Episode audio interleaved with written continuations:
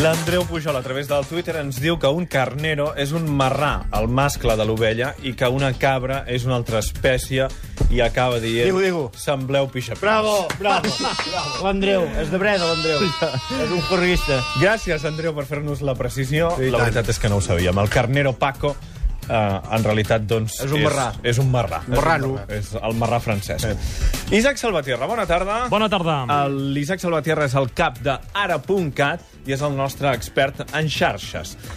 Avui l'Isaac ens porta una llista que ha elaborat ell de set joves prodigi. Set joves que estan canviant el món i que tenen menys de 30 anys, que són millennials. Recordeu que en vam parlar fa uns dies? Són aquest terme que es fa servir als Estats Units, que són aquests joves. No es posen molt bé d'acord amb quants anys tenen, però tenen més de 16 La i menys de 30. La generació d'aquest mil·lenni. Sí. És això, no? Sí. O sigui, la generació Nascuts als- partir del 2000. Sí, sí, Nascuts sí. potser una mica abans, Sí, no? sí, Alguns, sí, però sí. que han començat a ser joves Efectivament. a l'entorn de l'any 2000. Doncs eh, aquests joves ja tenen això, a partir de 16 anys, i ja estan fent moltes coses, ja estan començant a canviar el món. El cas més evident és la Malala, el Premi Nobel de la Pau eh, d'aquest divendres d'aquest any 2014. Té 17 anys. La seva fundació té 98 milions de seguidors a Twitter. Al·lucinant. I speak for them and I stand up with them and I join them in their campaign that their voices should És la veu de Malala, diu, parlo per ells, lluito per ells, estic amb ells en la campanya perquè les seves veus se sentin, han de ser escoltats, tenen drets a rebre bona educació, a no patir explotació laboral ni tràfic de nens. Bàsicament, el que defensa la Malala és una cosa tan senzilla com el seu dret a estudiar. Per això, aquesta jove afganesa, els talibans la van disparar al cap. Va ser el 9 d'octubre del 2012, mentre es dirigia cap a l'escola amb les seves companyes, un pistoler es va abraonar sobre el carro on anaven, qui és la Malala, va preguntar i davant les mirades de les seves companyes va fixar sobre ella la, la, la vista i va disparar tres trets. El primer tret li va entrar per l'ull esquerre i va sortir per sota de l'espatlla. Els altres dos trets van ferir les dues companyes amb què anava i Malala es va despertar una setmana després en un hospital de Birmingham, al Regne Unit. I el primer que va dir quan es va despertar va dir va ser qui pagarà tot això? Va ser la primera pregunta que va fer. Encara viu a Birmingham i ja ha dit que es vol dedicar a la política i a tornar algun dia al seu país. Una de les seves frases més cèlebres és un nen, un mestre, un llibre i una ploma poden canviar el món. L'educació és l'única solució. És evident que s'ha convertit en un símbol mundial i per això reconegut des de divendres passat amb aquest premi, el Premi Nobel de la Pau, i el cas de la Malala és el que ens ha portat a pensar en aquests joves prodigis. Abans de la Malala n'hi ha sis més que selecciona el l'Isaac. Efectivament, han tornat les protestes a Hong Kong. Són aquests joves estudiants que acampen al mig del, del, del carrer.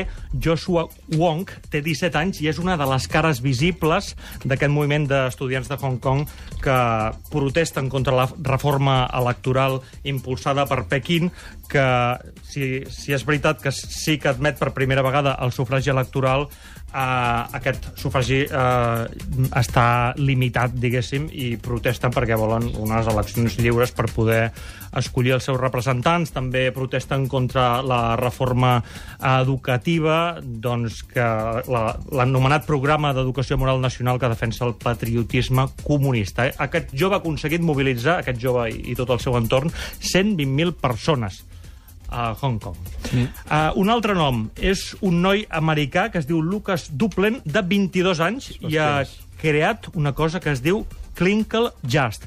És una de les noves estrelles de Silicon Valley mm. i ha creat una app que pretén modernitzar el sistema de pagament. Se'n sap molt poca cosa perquè només sabem que l'ha creat i tu pots apuntar en una llista i quan surtin noves dades Uh, és tot això de la bombolla Encara no està fet. tecnològica. Totalment. No, s'està Ja ho faré, desenvolupant, jo, això. però ja hi ha una expectació terrible i aquest jove, això, de 22 anys, ja és una nova estrella. Quin peliquero. Encara no teniu res. Però com pot ser que s'hagi convertit en una nervis. estrella si l'aplicació encara no funciona? Doncs perquè ja l'han vist els experts i diuen això, Ah, els experts això diuen que petarà és- molt i, i ja, i ja, ja està tothom amb l'expectativa. Ja veurem com acaba tot També això. passa el mateix amb un altre jove, en aquest cas britànic, de Londres, es diu Nick Delosio, té 17 anys, té 17.000 seguidors a Twitter, i aquest noi ja, ja és milionari perquè ha fet una aplicació per mòbils que es diu Samly i Yahoo ja l'ha comprat per 23 milions d'euros. Què fa, això? Què fa? 17 anys, 23 milions d'euros. A veure, llegit el titular, diu redueix la mida de les notícies per fer-les fàcils d'utilitzar la pantalla d'un mòbil. Que dius, home, mm, doncs potser Ha fet cortar no era tan pegar, no? difícil. Ha fet cortar pegar. Sí, Tampoc la veritat és que no l'he vist, però, però bueno, el titular dius, bueno, no sé, ha de ser molt espectacular. I- i Redueix si ara- la mida de les notícies. Eh, Ell agafa, redueix perquè sigui més fàcil. Sí, més tontos. I si ve- tots més tontos. Jo dic, te l'agafo i la torno a posar bé, em pagaran 23 milions d'euros? Prova-ho, prova-ho, a veure, a veure si ho aconseguim. Però és increïble que algú, i que algú pagui per un invent d'un tio de 17 anys 23 milions d'euros. Una altra, en aquest cas una noia que es diu Brittany Wenger, té 19 anys, va guanyar un concurs de Google.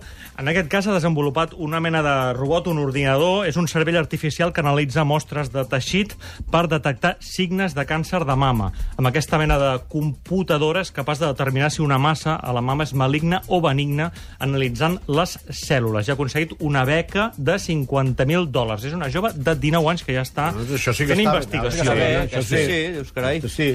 Uh, més noms. Ens anem ara a Espanya. Hem parlat d'alguns activistes. El que, el, com a activista, el més jove que he trobat és l'Iñigo Errejón, uh, de 30 anys. Ja es passa Ah, una mica, sí. una mica, però volia buscar algú d'aquí també. No sé si el localitzeu. És de Podem, de, de Podemos, de l'entorn Pablo Iglesias, d'aquest grup de politòlegs de la Complutense de Madrid. Ara està apareixent molt a la Sexta i a 4, perquè com que el Pablo Iglesias és a Brussel·les, perquè va sortir eurodiputat, doncs és una mica la cara visible. És un nano, sembla molt més jove del que és i, i té un discurs, eh, doncs això, molt potent i va ser el director de la campanya de Podem a les eleccions europees del 2014.